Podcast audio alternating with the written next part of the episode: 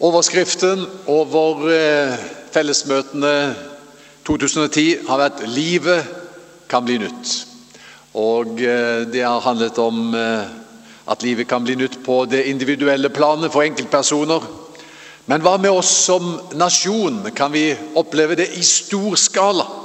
Det er det som er tema akkurat for avslutningsmøtet. Og overskriften som jeg har valgt, eh, lyder som så Det er håp for Norge. Vi er jo glad i landet vårt, vi som eh, sitter her. Og vi har jo mye å være stolt av. Vi har Børingsfossen og Sognefjorden, og vi har 17. mai-feiringen, og vi har brunosten. Og vi har operaen i Bjørvika, og vi har Alexander Rybak. Flere år på rad har FN kåret oss til verdens beste land å bo i. Og oljefondet ja, det vil ved utgangen av 2010 være på 2800 milliarder kroner. Det nærmer seg 3 billiarder. Vi er kanskje litt kjølige og reserverte som folkeslag. Vi smiler ikke til fremmede, sitter helst for oss sjøl på bussen. Utlendinger har sagt at nordmenn kan trygt være glade. Det er ikke kjent at noen nordmann av noe kjønn har dødd av glede de siste tusen år. Men det er jo det, bare det at de har jo ikke skjønt at i Norge er jo gleden en alvorlig sak. Og at vi er veldig spontane bare vi får tenkt oss om. Sånn er det jo, ikke sant? Vel, vel. Eh, spøk til side. Det er et godt land å bo i, og samtidig er det noe som gir grunn til bekymring. Verdens beste land å bo i har verdens høyeste sykefravær. 50% av alle ekteskap ender med skilsmisse. Og til tross for materiell velstand skårer barn i Norge lavt på mange lykkeundersøkelser. Ifølge en Dawn-rapport er antallet aktive kristne i landet vårt på 4,6% Og I store aldersgrupper av befolkningen er det bare halvparten som sier de tror på Gud, og stadig færre ber aftenbønn med barna sine. Det er også noe av situasjonen. Hvilken vei går Norge? Kan vi oppleve at livet blir nytt i stor skala? Vi skal lese en tekst fra Det gamle testamentet i kveld som jeg syns gir virkelig grunn til mye håp. Og Det er fra Esekiel kapittel 37, og vi skal lese fra vers 1 i Jesu navn. Herrens hånd kom over meg, og i ånden førte han meg ut og satte meg ned i en dal som var full av ben. Han førte meg rundt omkring dem, og se det lå en stor mengde ben utover dalen, og de var helt tørre. Så sa han til meg, 'Menneske, kan disse ben bli levende igjen?' Jeg svarte, 'Herre Gud, det vet bare du.' Da sa han til meg, 'Tal profetisk over disse ben og si til dem:" 'Dere tørre ben, hør Herrens ord.' Så sier Herren Gud til disse ben, 'Se, la det komme livsånde i dere, så dere blir levende.' 'Jeg lar det komme sener og kjøtt på dere og dekker dere med hud.' 'Så gir jeg dere livsånde, og dere blir levende.' 'Da skal dere sanne at jeg er Herren.'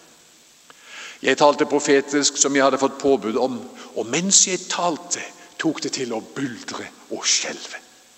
Bena la seg inntil hverandre, ben ved ben. Og mens jeg så på, kom det sener og kjøtt på dem, og de ble dekket med hud.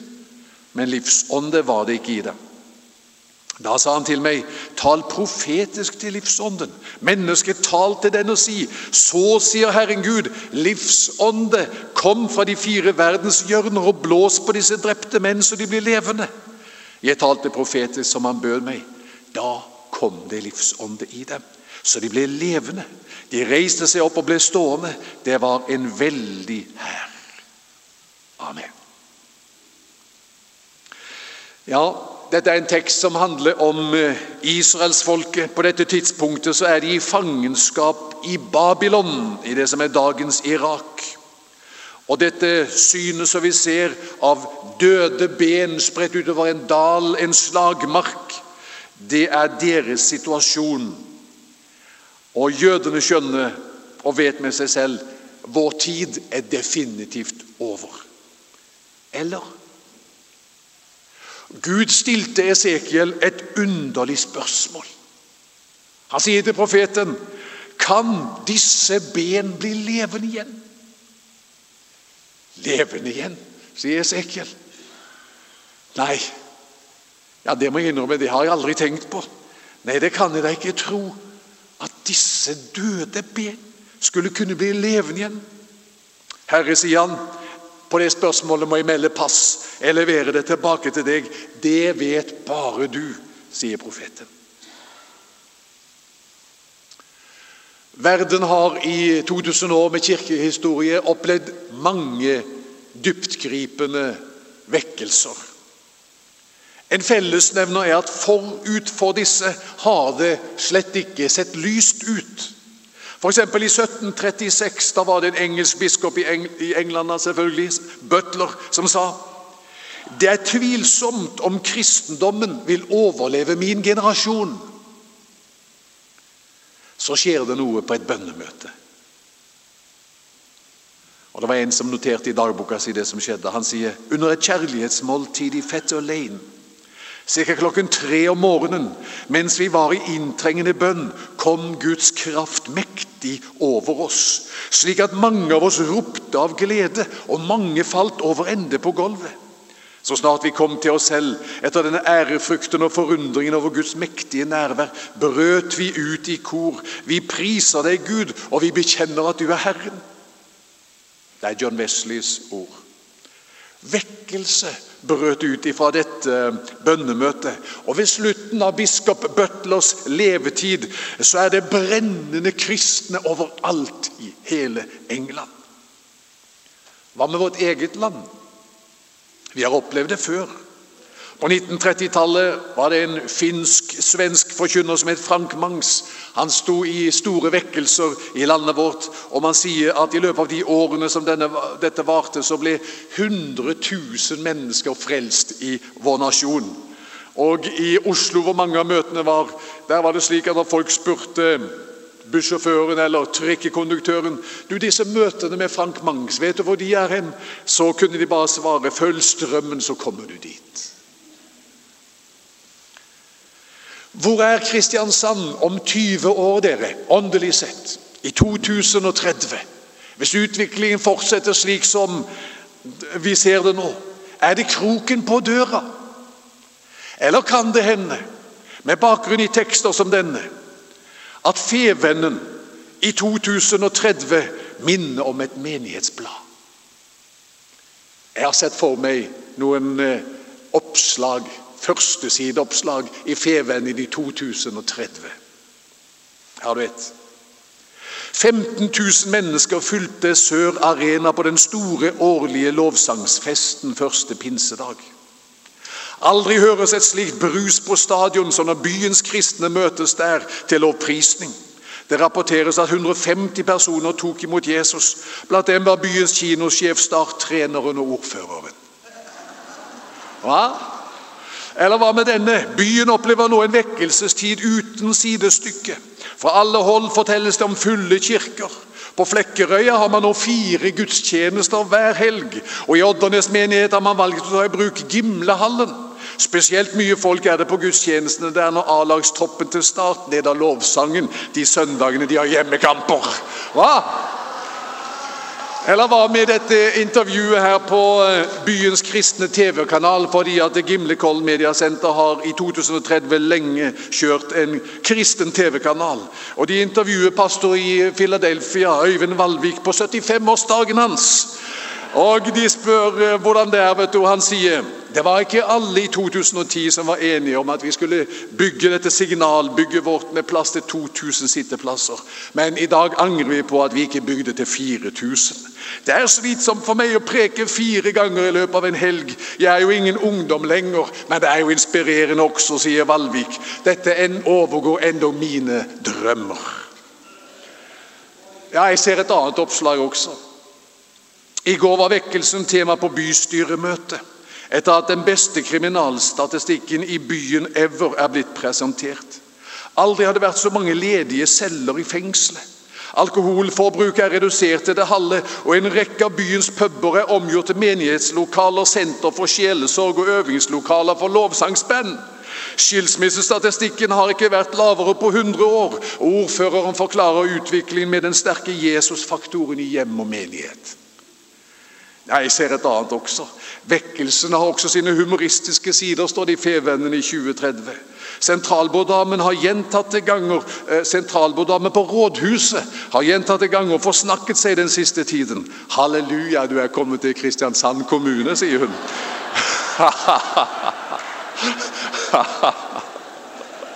Og Hvis dette riktig tar om seg, vet du, så kan det spre seg til landsplan. Og Jeg synes jeg ser et oppslag i VG også i 2031. Statsministeren er observert på Oslo Kristne Senter. Etter at kongen i statsråd ba for ryggen hans og han ble momentant helbredet, har statsministeren flere ganger vært med kongen for å høre Åge Åleskjær, en predikant han liker veldig godt. Eller hva med denne siste fra VG? Historisk åpning av Stortingets høstsesjon. Stortingsrepresentantene ville at dronning Mette-Marit skulle lede an i en av sangene fra den siste lovsangcd hennes. Det gjorde hun godt hjulpet av Maria Arredondo. Og Stortinget ble høytidelig åpnet ved at kong Håkon Magnus leste Guds ord og ledet i bønn. Hva? Kan det skje? Meg og Andreas vi er på linje i kveld. og jeg så en dal, og den var full av døde ben. Og Herren sier til profeten, menneskesønn, kan disse ben bli levende igjen? Hvis det skulle skje at Norge igjen skulle gjestes av vekkelse, hvordan skulle det skje? Ja, vi vil se Det er et verk av Gud fra A til Å. Det er et verk av Den hellige ånd. Samtidig så vet vi at når Han fremmer sitt verk, så er det gjennom mennesker. og Det er mitt punkt nummer to. Hvis du er interessert i punkter, så er dette punkt nummer to. Gud fremmer sitt verk gjennom mennesker. Og Når jeg ser eh, profeten her, så sier jeg det er tre ting vi kan lære som er så viktige fra profetens liv. For det første så har det noe med mannen å gjøre så har det noe med hvor han plasserer seg i omgivelsene å gjøre, og så har det noe med hans budskap å gjøre. For det første, det er noe vi må legge merke til når det gjelder mannen. Han sier 'Herrens hånd kom over meg'. Det var sånn det begynte. Og vet du at Mange vekkelser kan spores tilbake til sånne øyeblikk da det er menn og kvinner. og Det er ikke så viktig hvem de heter, eller hvem de er, men det som er viktig, det er kommet et øyeblikk i deres liv der de sier 'Herrens hånd kom over meg'. Og Det som er helt interessant med det hebraiske ordet for hånd, her, det er at det, det betegner ikke en knyttet hånd eller en lukket hånd, men det kan oversettes med en åpen hånd. Herrens åpne hånd kom over meg. Og når du og meg lærer å kjenne den Gud som har en åpen hånd, som lærer å kjenne ham som en god Gud, som midt i vår svakhet og skrøpelighet vil oss vel, og en god far som kommer til oss for å velsigne og møte oss og berike vårt liv, da kan vi være kanaler for velsignelse til andre. Hva var det Abraham hørte for så lenge siden? 'Jeg vil velsigne deg, og du skal bli til velsignelse'. Så var det dette med omgivelsen. da Han blir jo plassert, leser vi, midt iblant de tørre benene. Og sånn er det. At når du er under en åpen hånd og er velsignet av Gud, og du er plassert i tørre omgivelser, da kan du bety en forskjell i omgivelsene. Da er det ikke slik at du er i tørre omgivelser og blir tørr selv, men du er velsignet av Gud, og så betyr du en forandring i dine omgivelser. Fordi du møter mennesker på en spesiell måte. Du møter dem med den nåde du selv møtte hos Gud der du sto under hans åpne hånd. Og dette er viktig. Man sier om kristendommen på Sørlandet ja, Sørlandet er preget av blaute konsonanter og hard religion. Men jeg har lyst til å si at den tid er over. og Vi kunne godt hatt et minutts stillhet her nå. En minnestund der vi markerer at den tiden da det ble sagt at Sørlandet der var det blaute konsonanter og hard religion, den tiden er over.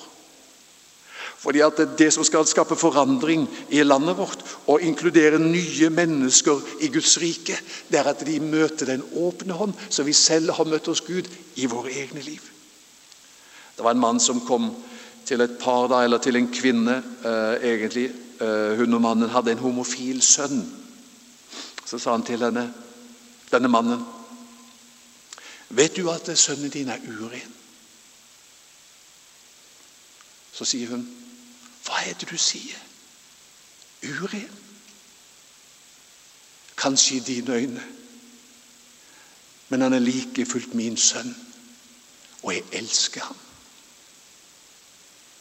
Hvem av de to er det som representerer Jesus? Ja, Det er ikke vanskelig for oss å se det. Venner, Det er noe som heter kroppens synder, og så er det noe som heter sinnelagets synder. Kroppens synder det er eh, hor, grådighet, fråtseri, fyll og dovenskap. Sinnelagets synder, hva er det? Det er stolthet, overlegenhet, selvrettferdighet og dømmesyke. Så kunne vi spørre oss sjøl hva er verst? Kroppens synder eller sinnelagets synder? Mange av oss ville vel stemme for det at det, må, det må jo være kroppens synder som er verst. Men dere, vi skal ikke ha lest mye i evangeliene før vi ser at Jesus er av motsatt oppfatning. Han mener sinnelagets synder er verst. Stolthet, overlegenhet, selvrettferdighet og dømmesyke. Det hindrer menneskenes evne til å elske, og det var det som gjorde at fariseerne ikke kom inn i Guds rike. Hva er det vi skal bringe ut til byen vår? Det er den åpne hånd, som vi selv har møtt hos Gud. Og det lengter menneskene etter. Det var en religionskonferanse, og en av representantene for, krist, for eh, kristendommen eh, sa i sitt innlegg La oss ta et tenkt tilfelle, sa Her er en prostituert. Har din religion noen gode nyheter til denne kvinnen? spurte han de andre religionene da. Nei, det var det ingen som hadde. Ingen religion hadde gode nyheter til en prostituert kvinne. Enn du, da? sier de til ham. Han får spørsmålet tilbake. Har du gode nyheter som en kristen til eh, en prostituert kvinne? Jeg har det, sa han. Det står i min bibel om Jesus. Denne mannen tar imot syndere og spiser sammen med dem. Når Herrens hånd er over deg, og du er plassert blant tørre bein, da har du et budskap om nåde og betingelsesløs kjærlighet å gi. Det er så interessant å legge merke til, og det er det tredje da når det gjelder eh, Esekiel, at det budskapet han forkynner Han får beskjed om å tale et profetisk budskap. Og Hva er det å tale profetisk, dere? Ja, Det er jo å tale til oppbyggelse, oppmuntring og trøst, står det i, i Nytestamentet. Oppbyggelse, formaning og trøst. Formaning betyr også oppmuntring. Det var et livgivende budskap. Du vet, Hvis profeten hadde kommet til de tørre ben med dom og kritikk, hva hadde skjedd da? Da tror jeg det hadde stått der i Esekiel 37. Da tok benene til å smuldre opp og ble til støv. Men dette var noe annet. vet du, Det som profeten kom med. Legg merke til hva budskapet er som Gud sier han skal gi. Så sier Herren Gud til disse ben. Se, la det komme livsånde i dere, så dere blir levende. Jeg lar det komme sener og kjøtt på dere og dekker dere med hud. Så gir jeg dere livsånde, og dere blir levende. Kan du tenke deg et bedre budskap til tørre ben? Hør på det en gang til. Hva er det han sier til tørre ben? Du skal få livsånde. Du skal få sener og kjøtt, og jeg skal dekke deg med hud, og du skal bli levende. Det minner meg om Jesu programerklæring som vi talte om første kvelden. og Det kan være passe å, runde av med å komme tilbake der vi begynte. Der han sier 'Herrens ånd er over meg', og han har salvet meg til å forkynne et gledesbudskap for fattige. Han har sendt meg for å kunngjøre at fanger får frihet, blinde får syn, sette undertrykte fri og rope ut et nådens ord for Herren. Det er budskap. Og de døde ben responderer. Det står og mens jeg talte, tok det til å buldre og skjelve, og bena la seg inntil hverandre, ben ved ben. Jeg leste om Ernest Hemingway. Han forteller om en spansk far som ville forsone seg med sønnen sin, som hadde rømt til Madrid. Og Faren var jo delaktig i dette. Og Full av anger så setter han en annonse i avisa El Liberal. Og det står i annonsa Paco Møt opp på Hotell Montana tirsdag formiddag. Alt er tilgitt. Hilsen pappa. Nå er Paco et vanlig navn i Spania. Og Når faren drar opp til hotellet på det angitte tidspunktet, så møter han 800 unge menn med navnet Paco, som venter på å bli forenet med sin far. Det var respons på budskapet om tilgivelse, om forsoning. Det er jo utrolig inspirerende. Jeg vet ikke om han er her i kveld, men vi hører jo om eh, det som har skjedd oppe i Kirkenes, og Hans Martin Skagestad, den flotte ungdomspastoren i, i Betania her i byen, som drar opp til Kirkenes og forkynner evangeliet for ungdommene der, og hundre stykker responderer og sier ja, jeg vil tro på Jesus, jeg vil bli en kristen. Så det skjer. Så hva ser vi om, om eh, Esekiel? Vi ser at han eh, er under en åpen hånd. Han plasserer seg blant de tørre ben. Og ikke kommer han med dom, han forkynner et budskap om nåde. Og det tredje og det siste Gud fremmer sitt verk ved sin hellige ånd. For eh, benene responderer, og så leser vi at eh, profeten han ble bedt av Gud om å tale til livsånden. Vers 9. Livsånde, kom og blås på disse drepte menn, så de blir levende. Det er et verk av Gud. Det er bare Guds ånd som kan gjøre dette. Og han er helt avgjørende i dette, og det gjør han. Og så kommer det ånd i dem, og de reiser seg på føttene, og de blir en svær hær. I 1974 var 2300 kristne ledere eh, fra 150 land samlet til en konferanse om verdensevangelisering i Lausanne i Sveits. Nå skal det være ny i år, forresten. En Lausanne-konferanse i Cape Town. Det blir spennende. Hovedkomiteen i 1974 var ledet av eh, Billy Graham. og Resultatet bl.a. Av, av den eh, Lausanne-konferansen det var den såkalte Lausanne-pakten, som har aktualitet enda så mange år etterpå. 35, 36 eh, år etterpå. Mange har den som et grunnlagsdokument for sin organisasjon og menighet. Og faktisk vi også i Salem har det. Og nå skal du høre hva, 100, hva 2300 kristne ledere fra 150 land ble enige om den gangen. De sa Verdensomfattende evangelisering vil være en realistisk mulighet bare dersom Ånden fornyer den kristne kirke i sannhet og visdom, tro, hellighet, kjærlighet og kraft.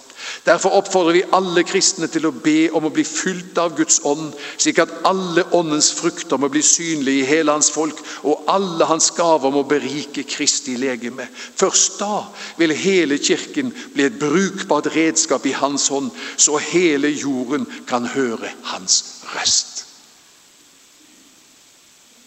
Det var oppfordringen som gikk ut bl.a. fra Lausanne den gangen i 1974. Først da vil hele Kirken bli et brukbart redskap i Hans hånd, så hele jorden kan høre Hans røst. Kan livet bli nytt i stor skala i Kristiansand, Agder-fylkene, landet vårt? Ja, når Guds ånd får berøre våre liv på nytt. Det tror vi på. Ja, vi vet det jo. Dette har vi erfaring på. Dette har vi jo i historien vår. Vi har jo virkelig noe som vi kan skilte med, og vi kan si til hverandre 'Han som gjorde det den gang, han kan gjøre det igjen'. Og dere vet hvem jeg tenker på. Jeg tenker på vår egen Hans Nilsen Hauge. Landet var på den tiden preget av død religion, men nå skrev Brandes til Bjørnson. Kristendommen kom til landet først med Hauge, sier han, og nå er den her. Hvordan begynte det? Ja, Startskuddet gikk 5.4.1796.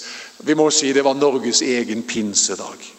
Og Hauge sier sjøl, og dette er, hører med til barnelærdommen, han sier en gang mens jeg arbeidet under åpen himmel, sang jeg utenatsalmen 'Jesus, din søte forening og smake'.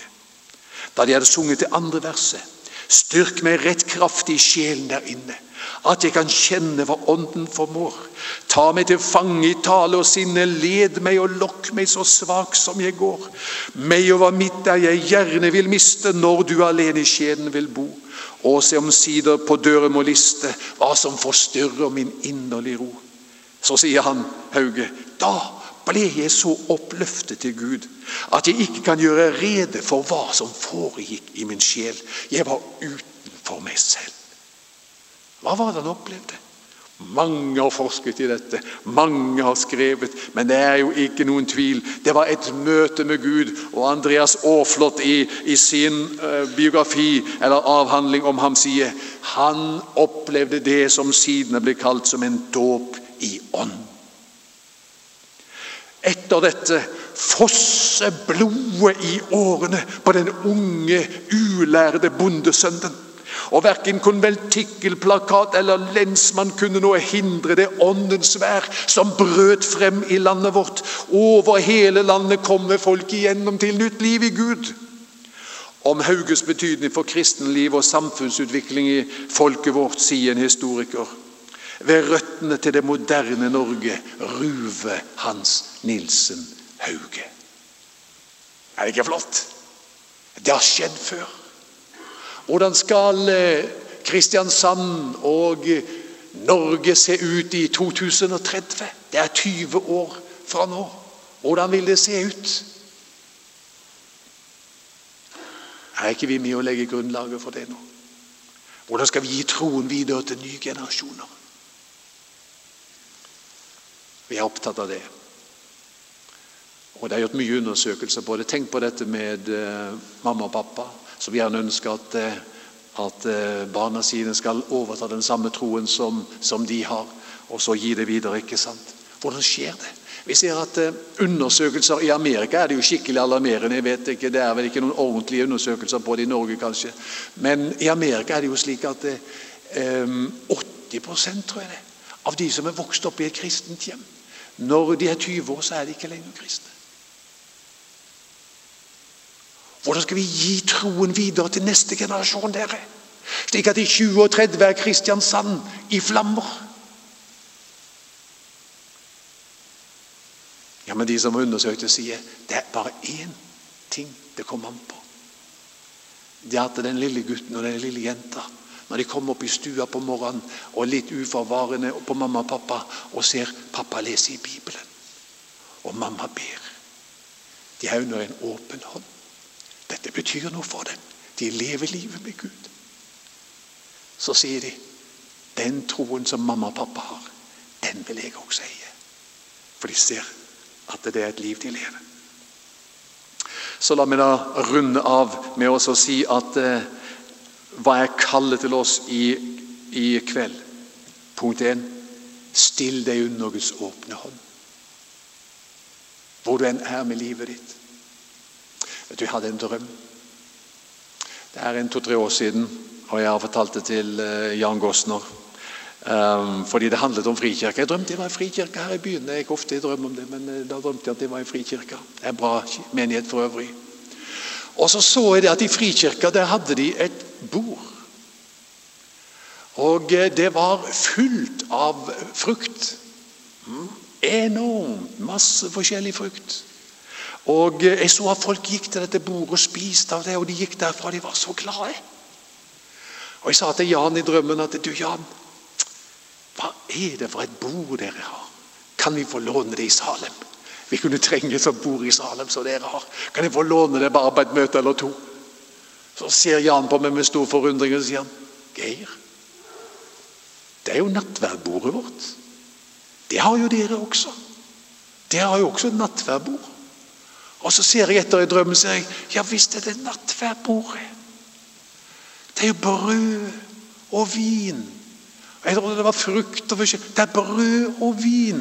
Og så skjønner jeg sammenhengen med drømmen at det der, når vi tar imot brødet og vinen, stiller oss inn under det som Jesus gjorde gjennom sin døde oppstandelse. På det grunnlaget er det at vi også er liksom under Guds åpne hånd, og han kan berike livet vårt med frukter på så mange områder og fylle oss med Guds ånd, og, vi blir levende. Så det har jeg jo lyst til å si til deg i dag. Når du tar imot brødet og vinen i dag så kan du tenke noe stille meg under Guds åpne hånd. Og så tar jeg imot hva Han har å gi for hele mitt liv. Så går du ut herfra, og så er det mandag. Og så skal du se deg omkring, og så vil du se det er mye tørre bein. Antagelig. Og det er ikke så mange kristne akkurat antagelig i dine omgivelser.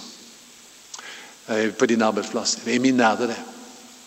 Min arbeidsplass, eh, Vi er eh, fire, fem, seks stykker på min arbeidsplass. De er kristne alle sammen. Jeg får jo si heldigvis. Kanskje ikke på din arbeidsplass. Så handler det om at du er ute blant tørre bein. Og så har du vært under Guds åpne hånd. Så møter du dem med den samme nåde, med den samme godhet. Og så har du et budskap til dem om gjenopprettelse, om legedom. Og så er det slik at døde og tørre bein de responderer fortsatt på evangeliet om Jesus. Herre, bruke deg. La oss be. Ja, vi takker deg, Herre, for at det var noen som gav oss evangeliet. Og vi priser deg for at eh, du har vist oss tillit og satt oss til tjeneste. Nå er det en utvikling i Norge som vi kanskje kan bekymres over. Men vi takker deg for at døde ben fortsatt kan bli levende. Og vi ber deg som ditt folk, som en del av ditt folk i denne byen i kveld. At det som vi stiller oss under din åpne hånd og tar imot brødet og vinen, så ber vi at du også skal ånde på oss. Fyll oss på nytt med Den hellige hånd. Blås på oss, så vi kan bære Golgata og pinsedagsfrukter med oss ut i vår hverdag. Og ikke bare registrere temperaturen som et termometer, men være en termostat som skaper en forandring. Vi priser deg, Herre, for at du vil bruke oss til det. Amen.